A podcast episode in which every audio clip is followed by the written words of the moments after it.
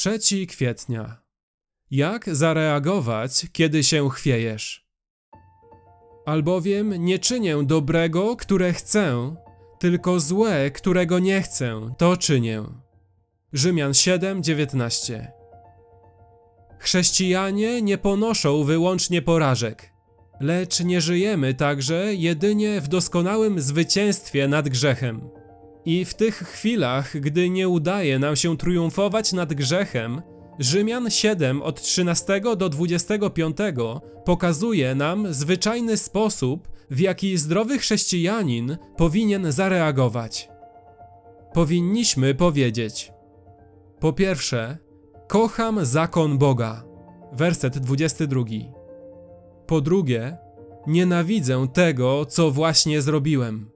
Werset 15. Po trzecie, nędzny ja człowiek, któż mnie uwolni z ciała tej śmierci? Werset 24. Po czwarte, Bogu niech będą dzięki. Zwycięstwo nadejdzie przez Jezusa Chrystusa, Pana mego. Werset 25. Innymi słowy, żaden chrześcijanin nie chce żyć w porażce. Żaden chrześcijanin nie przystaje na życie w porażce.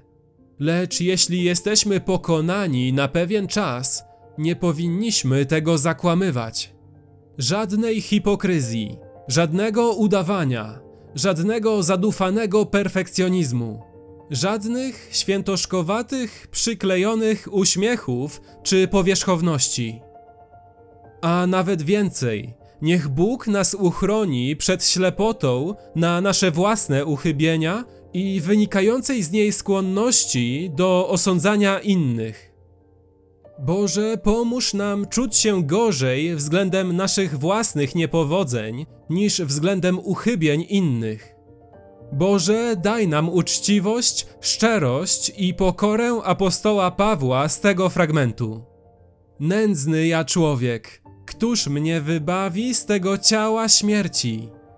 Bogu niech będą dzięki przez Jezusa Chrystusa, Pana naszego.